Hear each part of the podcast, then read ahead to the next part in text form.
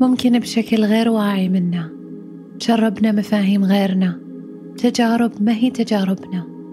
ومشاعر ما هي مشاعرنا. أمور تكونت في الأجيال اللي قبل في المجتمع من حولنا. كيف علاقتنا مع الوقت؟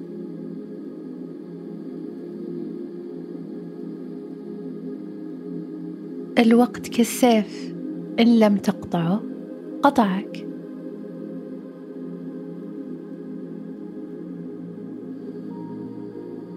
ما فيه وقت. دايم ما فيه وقت. الوقت ضيق.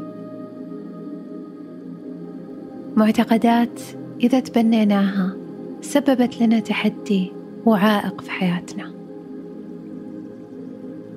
قلق وضغط مستمر. تفكيرنا بالوقت يجيب لنا التوتر. نحس انه وقتنا غير كافي.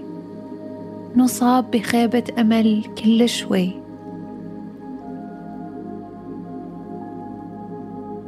دون ما ندرك صرنا سبب معاناتنا. ألم مستمر بداخلنا. لكن ممكن إيقافه. لما ندرك ما في داخلنا نقدر نغير القصة اللي نقولها. كيف؟ نكرر الفكرة الجديدة اللي فيها نستشعر السعة إلى ما تترسخ شعوريا. حتى لو في البداية ما حسينا فيها.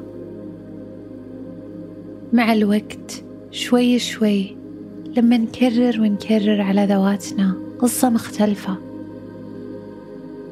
لما نؤمن إنه نقدر نختار اختيار جديد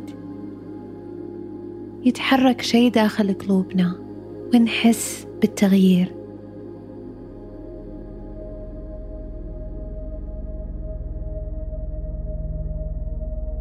كيف نذكر أنفسنا إنه السعة والوفرة عقليه نتبناها كيف استشعارنا بعدم كفاية الوقت؟ يجعلنا في عقلية ندرة.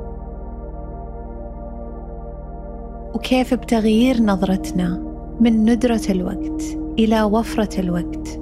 نرتاح ونطمئن كيف نستشعر البركة والخير في أوقاتنا كلها؟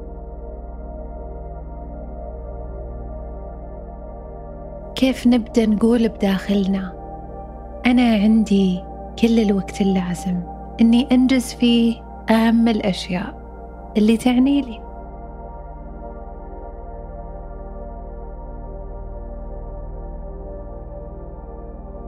كرر معي واعرف إذا سألنا السؤال الصح الإجابة الصح بتتسهل السؤال المفتوح يفتح الاحتمالات اللامحدودة في هذا الكون لأنه يخلق لنا المساحة اللي فيها نستقبل الإجابة بكل يسر.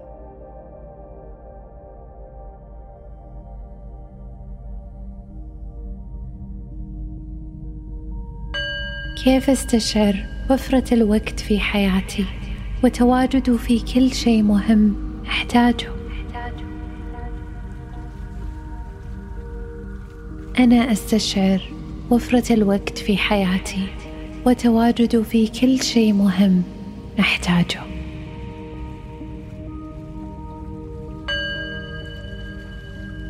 كيف أستشعر الطمأنينة والهدوء في علاقتي مع الوقت لأعيش حياتي بسلام وسكينة؟ أنا أستشعر الطمأنينة والهدوء في علاقتي مع الوقت وأعيش حياتي بسلام وسكينة.